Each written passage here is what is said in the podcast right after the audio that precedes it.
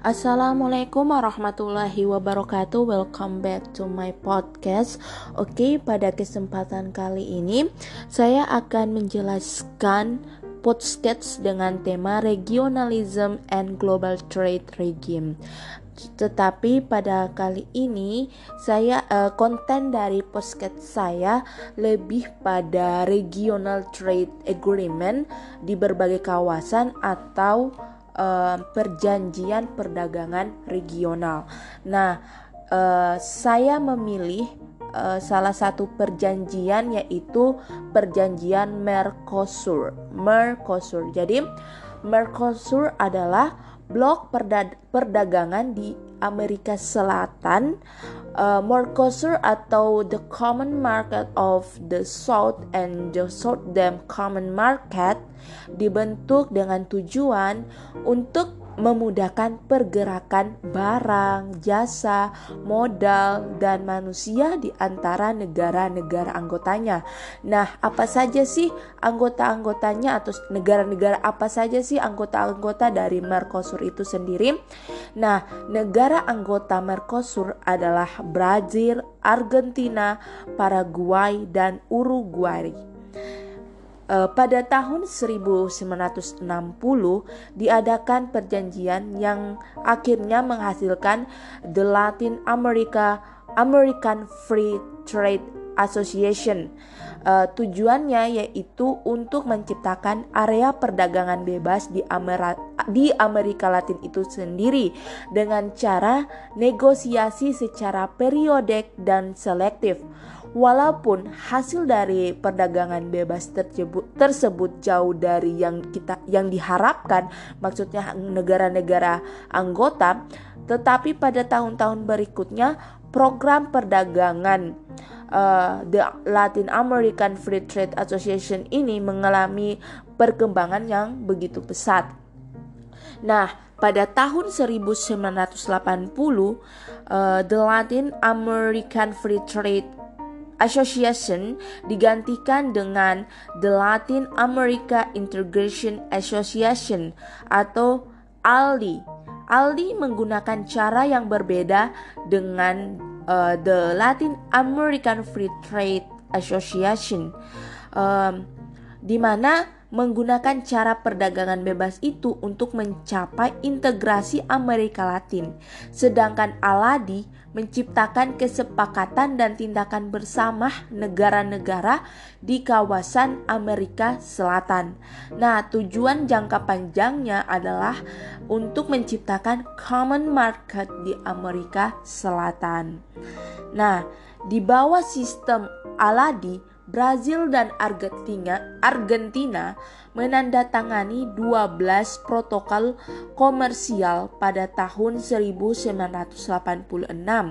Ini merupakan langkah yang sangat konkret pertama kedua negara dalam maksudnya kedua negara ini antara Brazil dan Argentina dalam meningkatkan kerjasama bilateral yang sudah dimulai sejak tahun 1985 melalui De Declaration of Iguachu. Adapun tujuannya yaitu untuk meningkatkan kerjasama sebelumnya pada tahun 1988 yang mana Brazil dan Argentina menandatangani Treaty for Integration, Cooperation and Development yang meletakkan dasar bagi common market kedua negara selama tahun-tahun berikutnya.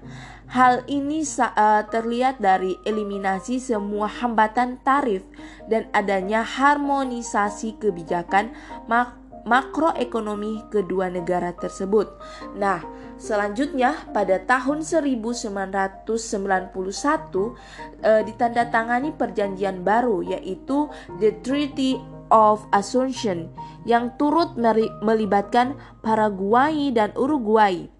Perjanjian tersebut seperti menyedia, uh, menyediakan te, menyediakan terciptanya common market di antara keempat negara yang berpartisipasi yang kemudian dikenal dengan Mercosur.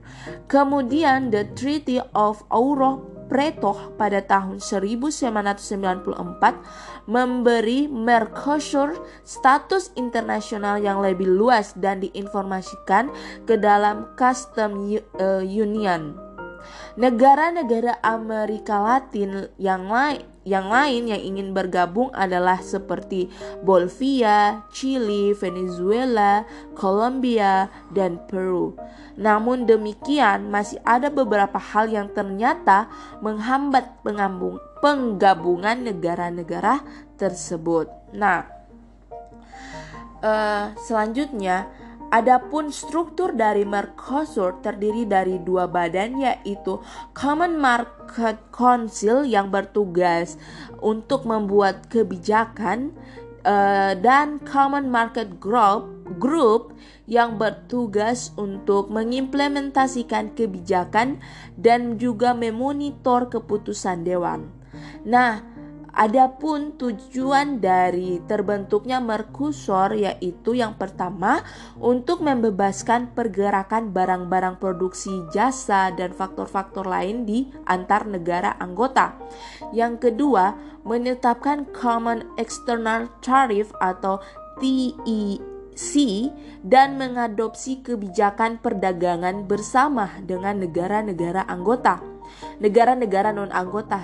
Nah, yang ketiga, koordinasi makroekonomi dan kebijakan sektorial negara anggota mengenai perdagangan luar negeri, agrikultur, industri, pajak, sistem moneter, pertukaran pertukaran modal dan sebagainya. Dan yang keempat, komitmen negara-negara anggota untuk penyusunan hukum di dalam kawasan untuk menguatkan proses integrasi. Nah, negara anggota penuh uh, uh, negara anggota penuh Mercosur hanya empat, yaitu uh, Brazil, Argentina, Paraguay, dan Uruguay.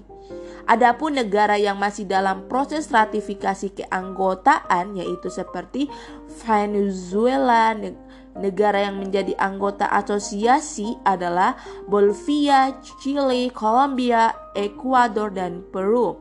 Negara asosiasi ini dapat bergabung di perjanjian perdagangan bebas tapi tetap berada di luar blok custom union. Nah, selanjutnya uh, selanjutnya uh, bagaimana sih pandangan dari uh, tiga grand teori terhadap uh, terhadap Mercosur ini? Nah, yang pertama uh, kaum realis Kaum realis sendiri melihat Mercosur ini berkontribusi, berkontribusi pada keamanan serta ikatan ekonomi. Contohnya seperti Argentina dan Brazil yang telah meningkatkan uh, kerjasama militer mereka um, dengan uh, mereka sama-sama uh, latihan militer bersama dan juga uh, pertemu mereka melakukan pertemuan tahunan yaitu antara kepala staf gabungan mereka dan juga realis juga berpendapat bahwa Mercosur ini memperkuat daya tawar anggotanya uh, antara Amerika Serikat dan juga Uni Eropa. Nah, sedangkan kaum liberal berpandangan bahwasannya uh, mendukung perluasan cakupan liberalisasi terhadap perdagangan, perdagangan dan memprediksi bahwa kelompok bisnis do domestik akan terus melihat Mercosur sebagai sarana untuk menarik investasi asing. Nah, uh, sedangkan pandangan dari historical materialis, mat, materialism uh, berpendapat bahwasannya Mercosur ini adalah akibat dari tekanan IMF pada uh, Amerika Latin yang mana kebijakan mereka menggabungkan anggotanya uh, dalam sistem kapitalis dunia sambil mempertahankan status bawahan mereka dalam sistem tersebut. Uh, mungkin hanya ini yang bisa saya sampaikan. Uh, lebih dan kurangnya mohon dimaafkan. Wabillahi taufiq wal hidayah. Wassalamualaikum warahmatullahi wabarakatuh.